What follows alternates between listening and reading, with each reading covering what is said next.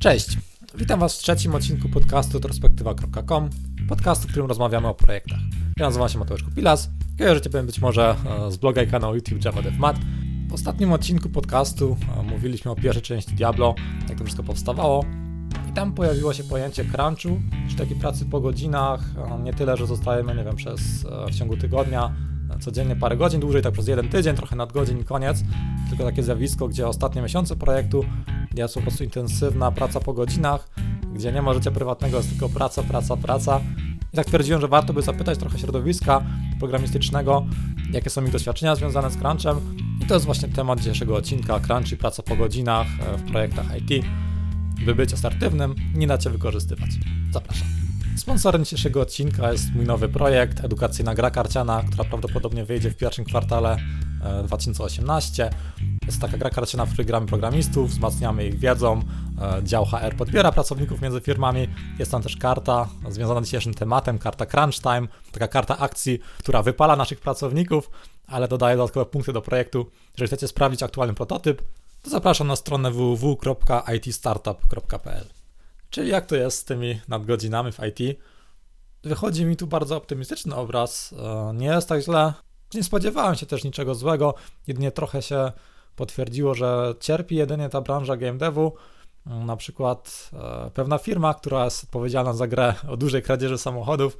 Tam czytałem coś takiego, że żony programistów pisały do firmy listy, e, bo ich mąż pracuje po 12 godzin dziennie przez 6 dni w tygodniu.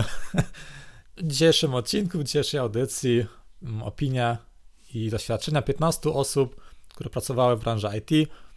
14, 14 osób podesłało mi coś fajnego i jedna opinia jest moja.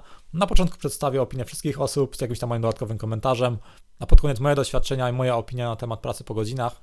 Możecie sobie też poczytać te opinie e, na moim blogu. Znajdziecie link albo w, pod audycją gdzieś, zależy gdzie to słuchacie, czy na iTunesie, czy gdzieś. Na stronie retrospektywa.com ukośnik 03 powinien być link do tego wpisu na blogu, gdzie te opinie są wypisane. A jeżeli słuchacie na YouTubie, to w opisie filmu będzie link, albo gdzieś blisko audycji na pewno to znajdziecie, nie powinno być problemu. No to zaczynamy z opinią i doświadczeniami pierwszej osoby na temat crunchu i nadgodzin. Kolejność na tej liście to jest po prostu data podesłania swoich doświadczeń, czyli kto pierwszy podesłał mi e-maila, ten pierwszy jest teraz odczytywany. I pierwszy na liście z doświadczeniami na temat nadgodzin, na temat crunchu jest Olek. Od ponad dwóch lat pracuję w większej korporacji, e, półtora roku jako stażysta i słysząc wszystkie historie o pracy w korpo po godzinach i weekendach, trochę się bałem, że na pierwszą pracę od razu wybrałem korpo, szczególnie, że miałem inne możliwości. O czymś takim jak nadgodziny właściwie nie słyszałem. Przez cały czas jak pracuję musiałem przyjść w jedną sobotę do pracy, było to przez restart i duży update serwera do CI i. Jednego dnia wieczorem musiałem posiedzieć przy laptopie, było to przez różnice stref czasowych e, między Polską i USA, ale to wszystko skracało normalnie czas pracy. Skoro przyszedłem w sobotę na 5-6 godzin, to przez cały następny tydzień mogłem wychodzić o godzinę wcześniej. Pracowałem wieczorem 2 godziny, no to następnego dnia wychodzę 2 godziny wcześniej i tak dalej. Oczywiście czasem zdarzyło się siedzieć dłużej niż ta 8-16, ale jeszcze nie wychodziłem z pracy później niż o 18. Mój szef jest na tyle bezproblemowy, że można sobie swobodnie żonglować godzinami. Wiem, że zaraz ktoś powie, że przecież praca programisty to nie siedzenie 8 godzin w biurze, ale nie każdy rodzaj programowania to kreatywne rozwiązywanie problemów. W dużym korpo może to często być właśnie praca 8 godzin dziennie z kodem. Zdarzało się jednak w moim teamie, nie mi osobiście, jakieś większe problemy. Było wtedy jakieś napięcie, ale nie zauważałem crunchingu. Przynajmniej jakiegoś przesadnego. Owszem, może zamiast 8 godzin dziennie, czy 4 osoby przez tydzień pracowały po 10, ale potem sobie to odbijały i w następnym tygodniu pracowali krócej, albo robili sobie dłuższy weekend. Wiem, że jeden przypadek o niczym nie świadczy i może to mi po prostu trafiło się jakieś fajne środowisko, ale po ponad dwóch latach w pracy jestem zadowolony. Może obowiązki mogłyby być ciekawsze, ale bez większych problemów e, kończę magisterki w trybie dziennym, a doświadczenie zdobywam. Czas na drugą osobę, która coś podesłała, jest to Artur Czuba. Mm, poświęcam dużo czasu na pracę po godzinach, ale nie odczuwam tego jako obowiązek. Pracodawca jest nawet przeciwny, abym to robił. Dlaczego właściwie to robię? Pracuję w korporacji, pojawiają się od czasu do czasu ciekawe projekty, których mogę wykorzystać nowe technologie, a przy okazji się ich nauczyć. To wciąga w takim stopniu, że ciężko się oderwać. Nie lubię też zostawiać niedokończonej części jakiejś funkcjonalności, więc spędzam kolejne godziny na dopisywaniu kolejnych linii kodu i integrowaniu całości. Dodatkowo wracając do domu chcę zająć się swoimi projektami, życiem towarzyskim, gotowaniem, więc staram się separować moją pasję od czasu wolnego. Poza tym klimat, jaki panuje w biurze późnym wieczorem jest nie do opisania.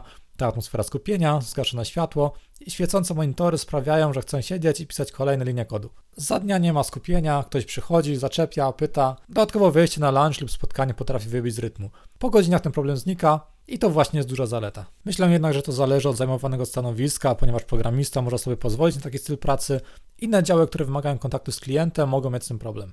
Tutaj dodam może na koniec taki komentarz ode mnie, że w sumie często miałem coś podobnego, że w ciągu dnia e, na przykład nie dało się skupić i faktycznie zostawałem dłużej, by popracować nad czymś, by coś domknąć. E, po prostu lepiej mi się wtedy pracowało. Było to jakby pracowanie po godzinach, po oficjalnych godzinach pracy, ale te nadgodziny sobie wybierałem później. Na przykład zostawałem sobie w jakąś środę, po tej, nie wiem, po 18 nawet, zostawałem w biurze, coś kończyłem, e, faktycznie coś zrobiłem i w tym momencie na przykład w piątek sobie wychodziłem dwie godziny wcześniej, więc nie są to jakby nadgodziny, tylko praca po godzinach, by sobie w innych godzinach wejść wcześniej. Może nie do końca tak w temacie, ale na pewno jest to jakaś fajna możliwość. Jeżeli mamy pracodawcy, które zapewniają taką elastyczność, to niektórym to może pasuje, ponieważ jest to frustrujące, gdy siedzimy sobie w pracy, czegoś nie możemy skończyć, nie możemy się skupić. To niektórzy tak po prostu pracują lepiej, gdy zostaną sobie dłużej, gdy wszyscy już pójdą do domu, mają sobie ciszę, e, ciszę i skupienie, co jest kończą i za to w inny dzień wychodzą wcześniej. Kolejny mail e, z opinią i doświadczeniami, tym razem o Tomka. Ze swojej strony mogę opisać temat crunch, do którego do końca nie doszło. W firmie ruszyliśmy z nowym projektem, prawie bez specyfikacji, praktycznie tylko z ideą tego, co mamy robić. Po miesiącu, gdy mieliśmy zaimplementowane podstawowe funkcjonalności, które wydawało się, że są potrzebne, zlecający obudził się, że jednak trzeba obrać inny kierunek. Z opresji wybawił nas główny project manager. Konsekwentnie uświadomił zlecającego, że nie da się zrealizować tak dużych zmian funkcjonalności w ciągu 2-3 tygodni. Ustaliliśmy zadania do MVP i zaczęliśmy. Szczęśliwie udało się zaimplementować praktycznie na czas. Wnioski i nauka, dobre zarządzanie zespołem w sytuacjach krytycznych oraz konsekwencja w działaniu PM-ów czasami pozwoli uniknąć crunchu.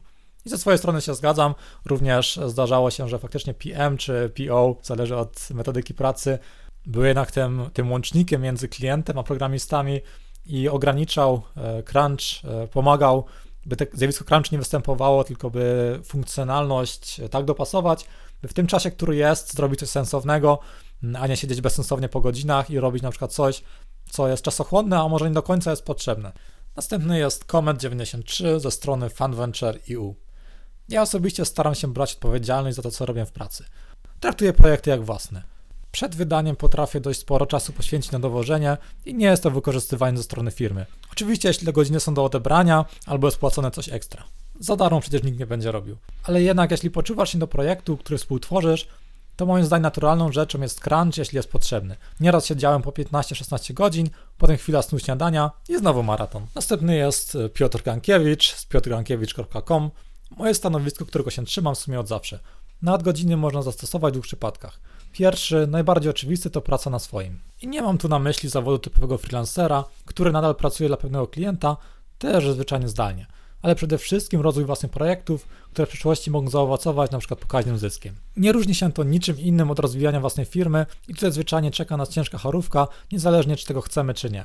Drugi przypadek to typowa praca w firmie, e, z tym zastrzeżeniem, że za spędzone nadgodziny otrzymujemy odpowiednią zapłatę. Nie dajcie się tutaj zwieść żadnym obietnicom, ani tym bardziej nie dajcie się wykorzystać, zazwyczaj w postaci wzięcia na litość. Biznes to biznes. Pracujecie dla kogoś, a nie nad rozwojem własnego produktu i macie za to otrzymać stosowne wynagrodzenie. Koniec, kropka. W przeciwnym przypadku może Was spotkać bardzo niemiłe rozczarowanie, gdy okaże się, że przepracujecie wiele nadgodzin, a koniec końców okaże się, że, że poza przysłowiowym uściskiem dłoni prezesa tak naprawdę nic nie zyskacie.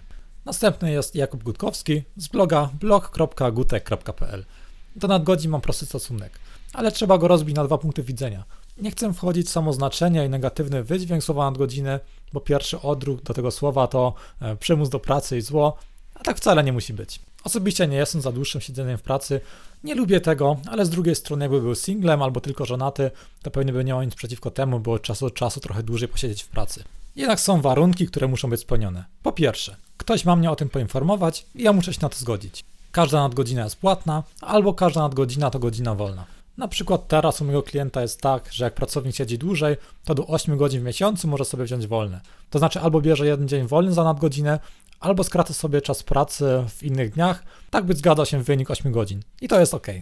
Drugi przypadek to taki, że nie ma czegoś takiego jak nadgodzina, każda godzina pracy jest płatna X, w umowie nie ma zapisane, że mamy pracować od 9 do 17, tylko że mamy być dostępni, pracować minimum Y godzin dziennie, przy czym nie mamy maksimum i każda ekstra godzina przepracowana jest wliczana jako godzina pracy, e, więc jak chcę, to mogę siedzieć 24 godziny na dobę i pracodawca za to zapłaci. Ten drugi przypadek to także przypadek własnej działalności gospodarczej. Jak nie pracujemy, to nie dostajemy. Jak pracujemy, to po to, by ktoś nam za to zapłacił. Jeżeli jednak firma wymaga od nas chwilę nadgodzin i nie chce płacić, rekompensować tej pracy, to jest to dla mnie nie do zaakceptowania. Wtedy po prostu mówię dość i składam papiery. Ale jak ze wszystkim, wszystko za obu stroną zgodą jest w porządku. Wszystko, co ma na korzyść wykorzystanie pracownika z korzyścią dla firmy, nie jest ok i nie można tego tolerować. Ale co jest dla kogo do zaakceptowania, to już jest odrębna sprawa. Następny jest Tomasz Woliński ze stormit.pl. Z crunchingiem w całym tego słowa znaczeniu spotkałem się do tej pory tylko w jednym projekcie. Dzisiaj wiem, że zawczasu nie dopuściłbym do takiej sytuacji. Warunki pracy w projekcie oczywiście z dnia na dzień nie stały się tak krytyczne. Początkowe nadgodziny, wszystkie były płatne, nawet mnie cieszyły. Dodatkowe pieniądze przecież zawsze się przydają, e, miałem również okazję się wykazać i szybciej nauczyć się nowych rzeczy. Na tym etapie programistycznej kariery było to dla mnie wyjątkowo ważne. Prawdziwe problemy zaczęły się, gdy otrzymałem do realizacji bardziej wymagające zadania, więcej osób polegało teraz na mojej pracy. A proces był tak zrobiony, że nawet stosunkowo krótka moja niedostępność mogła blokować pracę innym. Spowodowało to całkowitą utratę prywatnego czasu. W tym okresie telefony współpracowników o trzeciej, czwartej w nocy nikogo już nie dziwiły. Ba, sam wielokrotnie po takim telefonie siadałem do komputera i gasiłem pożary. W okresie wydania nowej wersji dość często bywało, że w pracy spędzaliśmy bez przerwy ponad 24 godziny, przy takim trybie pracy bywało, że niektórzy zwyczajnie przesypiali na klawiaturze. Powstało w ten sposób produkt był wyjątkowo niskiej jakości. Zawsze było coś szybkiego naprawienia, co blokowało pracę innym. Dlatego nie było kiedy przeprowadzić niezbędnych refaktorów, czy napisać dobre testy. W perspektywie czasu tylko pogarszało tę sytuację. Bywało również, że dane trzeba było naprawiać bezpośrednio na produkcji, by skrócić czas wdrożenia. Nie było to zbyt bezpieczne. Z perspektywy czasu, patrząc na to, to najbardziej przerażające było to, że po pewnym czasie współpracownicy sami pogarszali sytuację, punktowała taka myśl, że skoro ja tak pracuję, to czemu ty masz mieć lepiej? Chwila mi było bardzo nerwowo i nieprzyjemnie. Niestety przełożeni godzili się na taką sytuację, teoretycznie zasłaniając się dobrem projektu i klienta. Prawda jednak była taka, że klient nie był zadowolony z efektów takiej współpracy, bo nowe wersje produktu otrzymywał niskiej jakości i notorycznie po terminie. Dla mnie taki tryb pracy skończy się zmianą pracodawcy. Całe szczęście po którejś nocnej pobudce żona postawiła weto dalszej takiej pracy. Zmiana okazała się bardzo dobrą decyzją, również pod względem finansowym, bo bez robienia licznych nadgodzin uzyskałem podobne wynagrodzenie. Następna opinia jest od Macieja Inserowicza z devstyle.pl. W branży IT często szczycimy się pracą po 20 godzin na dobę, spaniem po 3 godziny, wykończeniem i całkowitym poświęceniem programowaniu. Wielu programistów przechodzi przez ten etap, też tam byłem. Prawie wszyscy na pewnym etapie dochodzą do wniosku, że to jednak nie ma sensu. Część ląduje przez to w szpitalu, inni kończą z wypaleniem zawodowym, niektórzy zostają ze stałymi problemami zdrowotnymi. Dając siebie absolutnie wszystko, jesteśmy w stanie pokonać tylko krótkie dystanse. Pamiętajmy, że to nie sprint, a maraton. Zawsze będzie coś do zrobienia. Teraz Krzaku z bloga dev.krzaku.cc. Pierwszy raz do czynienia z crunchem w pracy miałem latem e, roku 2012. Pisałem soft do magazynu automatycznego i mieliśmy spore opóźnienie, co było bardzo kosztowne dla naszego klienta. Z tego powodu siedzieliśmy wszyscy po kilkanaście godzin dziennie, czasami z weekendami, dopracowując system. W rekordowym tygodniu wyrobiłem 108 godzin, a w ciągu całego najlepszego miesiąca ponad 350. Pewnie to podpada pod wyzysk i zdecydowanie przekracza wszelkie normy narzucone przez kodeks pracy, ale ostatecznie dostałem ekwiwalent za przepracowany czas nadgodziny odpowiednio 150% i 200% zgodnie z regułami, więc uważam, że było spoko. Poza tym szef również siedział i zapierdalał. Następny mail jest od Rafała. Moja pierwsza praca i od razu trafiłem na projekt, który za 3 miesiące miał pójść na produkcję. Nadgodziny były dla nas nieobowiązkowe, aczkolwiek spodziewane, i ten sam cały zespół miał więcej nadgodzin, im bliżej było do pójścia live. Wszystkie płatne, soboty czy święta dodatkowo płatne. Pracować w sobotę można było zdalnie z domu lub w biurze. W drugim przypadku firma stawiała obiad. Generalnie nie był to dla mnie ciężki okres, chociaż inne osoby czasami narzekały. Mieliśmy i tak dobre warunki na tych nadgodzinach w stosunku na przykład do innych branż, porównując na przykład do budowlanki, to dopiero widać różnicę. Jedynym minusem była organizacja pracy, mało czasu na naukę, zadania były przypisywane do ludzi, którzy najlepiej znali temat, a nie po to, by rozszerzyć wiedzę zespołu. Ogromnym plusem była szansa, jaką mi dali, gdyby nie nadchodzący crunch time, to pewnie nie dostałbym tej pierwszej pracy po przebranżowieniu się. Wypalenie raczej nie miało miejsca. Pewnie trochę przyspieszyło u pewnych osób. Generalnie każdy wiedział, że z wejściem na produkcję kończy się już taka praca i więcej nie nastąpi w tym projekcie. Jakbym miał takie sytuacje cyklicznie, to na pewno bym to jakoś odczuł, ale tak to jest w porządku. Okazja, by zarobić więcej, zjeść dobrze i złapać dobre tempo pracy w pierwszych tygodniach. Następny jest Grzegorz Kotwis z bloga gkotwis.blogspot.com. Czy spotkaliście się w pracy z zjawiskiem crunchu? Tak, spotkałem się. Niestety było to w mojej pierwszej pracy i to na tak dość dużą skalę. Pracowałem wtedy jako taki gość od wszystkiego w IT. Administracja serwerami, bazami danych, oprogramowaniem, jakieś drobne serwisy komputerów, infrastruktura sieciowa, telefony po godzinach, e, czy tak zwane akcje na koniec dnia były nagminne. Bardzo często pewne rzeczy do zrobienia przypominały się szefowi o 15.59. Czy był to czas dodatkowo płatny? Nie. Czy przyczyniło się to w jakiś sposób do wypalenia pracowników? Na pewno do frustracji i niechęci, a to z kolei do rotacji pracowników. W moim przypadku była to pierwsza praca, w dodatku rozwojowa, i jak na tamte czasy za fajną kasę, więc nie marudziłem za bardzo.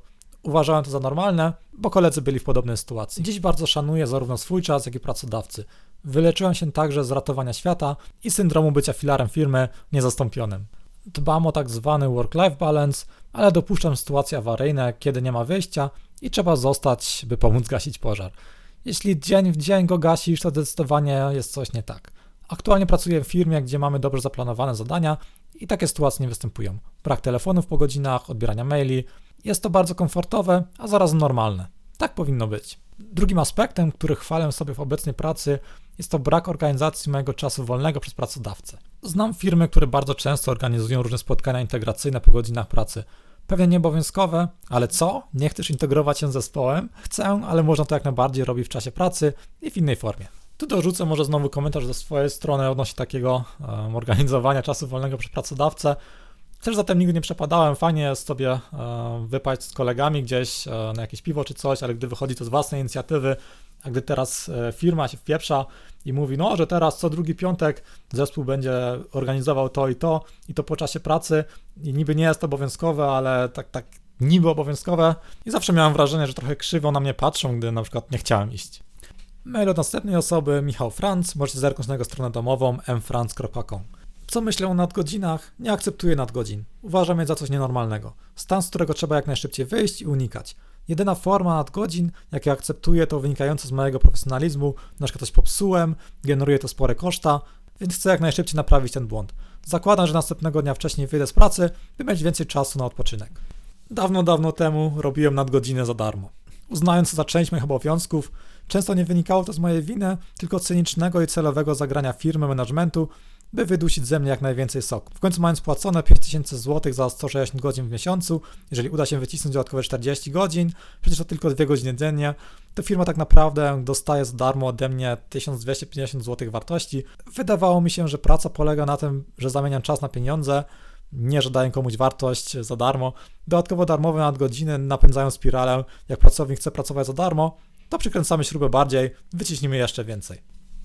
Dlatego nadgodziny tylko płatne ekstra. Wtedy i tylko wtedy firma poczuje koszt utrzymania nadgodzin i będzie zainteresowana zmienieniem organizacji pracy, by nie generować dodatkowych kosztów. Długotrwałe, nadmierne nadgodziny to zagrożenie dla waszej kariery i słaba inwestycja czasu. Jak chcecie coś dodatkowo zrobić, to skupcie się na sobie, zróbcie jakiś projekt czy kurs. Tyle projektów open source potrzebuje kogoś do pomocy. Inwestujcie w firmę Ja Spółka ZOO. To jest jedyna firma, na której powinno Wam zależeć. Szanujcie swój czas, już go nie odzyskacie, nie róbcie nadgodzin za darmo i nie traktujcie ich jako coś normalnego.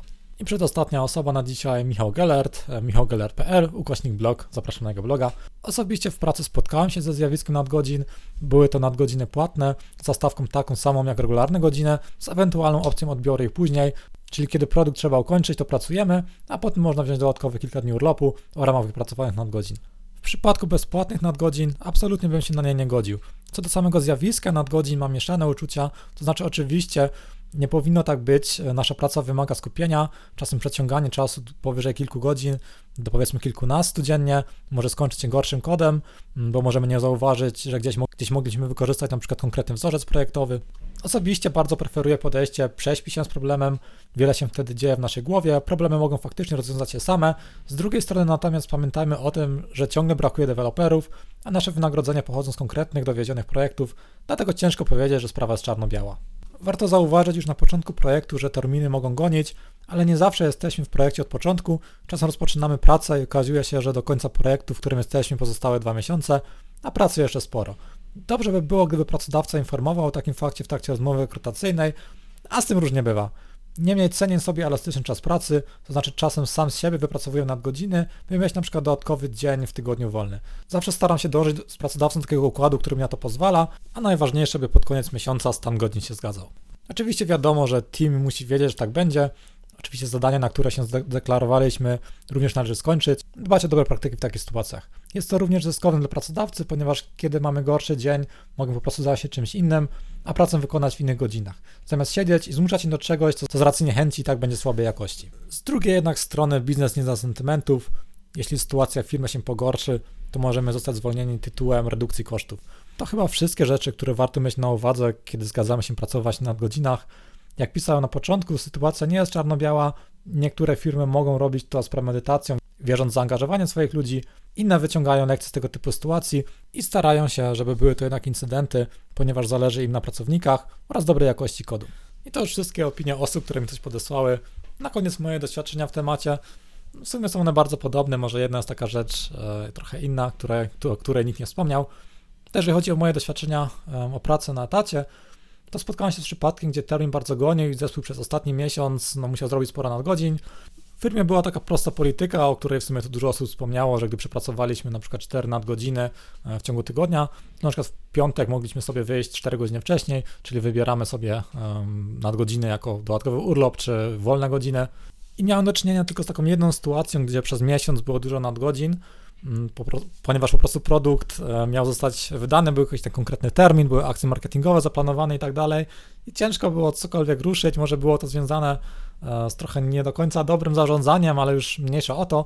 W każdym razie firma to wy, e, wynagrodziła pracownikom osoby, które pracowały mm, sporo po godzinach przez ten miesiąc. Między innymi ja. Mieliśmy za to 5 dodatkowych dni urlopu i firma wynajęła w tym czasie domek dla zespołu, byśmy sobie tam trochę poimprezowali, czy odpoczęli sobie. No, oczywiście było to nieobowiązkowe, nie było tak, że ten urlop trzeba było jechać na tą integrację, część osób pojechało, część nie. Według mnie fajny gest od firmy. Jeszcze zauważyłem, że było parę takich osób, które bardzo często zostawiały po godzinach, E, i nie zauważałem, żeby wybierały sobie jakieś dodatkowe wolne za to. E, zapytałem kiedyś te parę osób, dlaczego one tyle pracują, czy mają jakieś dodatkowo płacone, czy wybierają to kiedyś indziej. Się okazało, że były to osoby, które zwyczajnie miały udziały w firmie, były to osoby, które od początku istnienia firmy tam były i zwyczajnie miały w umowie na przykład, nie wiem, parę procent udziału w firmie. I pamiętajmy o tym, że w tym momencie, gdy firma na przykład zostanie sprzedana za dużą kwotę, no to jest to dla nich e, duży zastrzyk gotówki, Mm, prosty przykład, załóżmy, że mamy 1% udziału w firmie, która zostaje sprzedana za, nie wiem, 100 milionów, no to chyba w tym momencie jest to gra warta świeczki. To tyle, jeżeli chodzi o etat, czyli nie spotkałem się z jakimś wykorzystaniem przez pracodawcę, nigdy nie było to zmuszenie do nadgodzin, zazwyczaj było tłumaczenie sytuacji, zawsze były jakieś benefity e, przez taką pracę.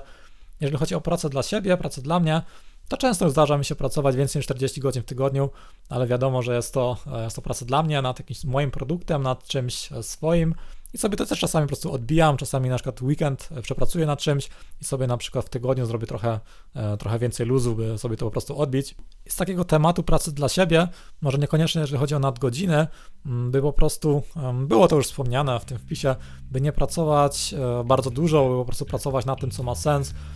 Pamiętam, że kiedyś Scrum Master, z którym pracowałem, kiedyś mi coś takiego powiedział, że nie mam patrzeć na to, by jak najwięcej godzin y, z moich dostępnych godzin przepracować, bo to jest bez sensu. Raczej się skupić na tym, e, by wyeliminować to, co jest e, nie tyle, że niepotrzebne, tylko co najmniej potrzebne, co da najmniej rezultatów, że zawsze najwięcej czasu zaoszczędzimy na tym, co świadomie wyeliminujemy. Postawa typu wszystko jest ważne, nic nie ma jakiegoś priorytetu, jest bardzo zła i prowadzi w sumie tylko do, tylko do e, wypalenia, frustracji, a komu to potrzebne. I to wszystko na dzisiaj e, w tym odcinku podcastu trospektywa.com. Myślę, że taki temat nadgodzin, crunchu w projektach był potrzebny, by zobaczyć jaka jest perspektywa różnych osób. Pamiętajcie, by, by walczyć o swoje, być świadomym tego, że jesteście coś warci, jesteście dużo warci na rynku pracy, szczególnie jako programiści nie dajcie się wykorzystywać. Mam nadzieję, że te przykłady Wam pomogły. Jeżeli odcinek Wam się podobał, e, możecie zerknąć na retrospektywa.com ukośnik wsparcie, jak możecie nawet bez wkładania jakiejś kasy wesprzeć ten podcast. Następny odcinek prawdopodobnie za dwa tygodnie. Zobaczymy, czy uda mi się um, zwiększyć regularność i wrzucać na przykład odcinek co, co tydzień. E, następny odcinek będzie chyba w końcu wywiadem. Mam w końcu pierwszą osobę do wywiadu. Mam nadzieję, że tych wywiadów będzie więcej, bo tak jednak rozmowa o projektach jest dużo ciekawsza, jeżeli jest bezpośrednio wywiad z osobą, która ten projekt prowadziła. I to tyle. Bardzo Wam dziękuję za, e, za słuchanie, już miałem powiedzieć oglądanie. Słyszymy się w ramach tego podcastu prawdopodobnie znowu za dwa tygodnie. Dzięki. Cześć.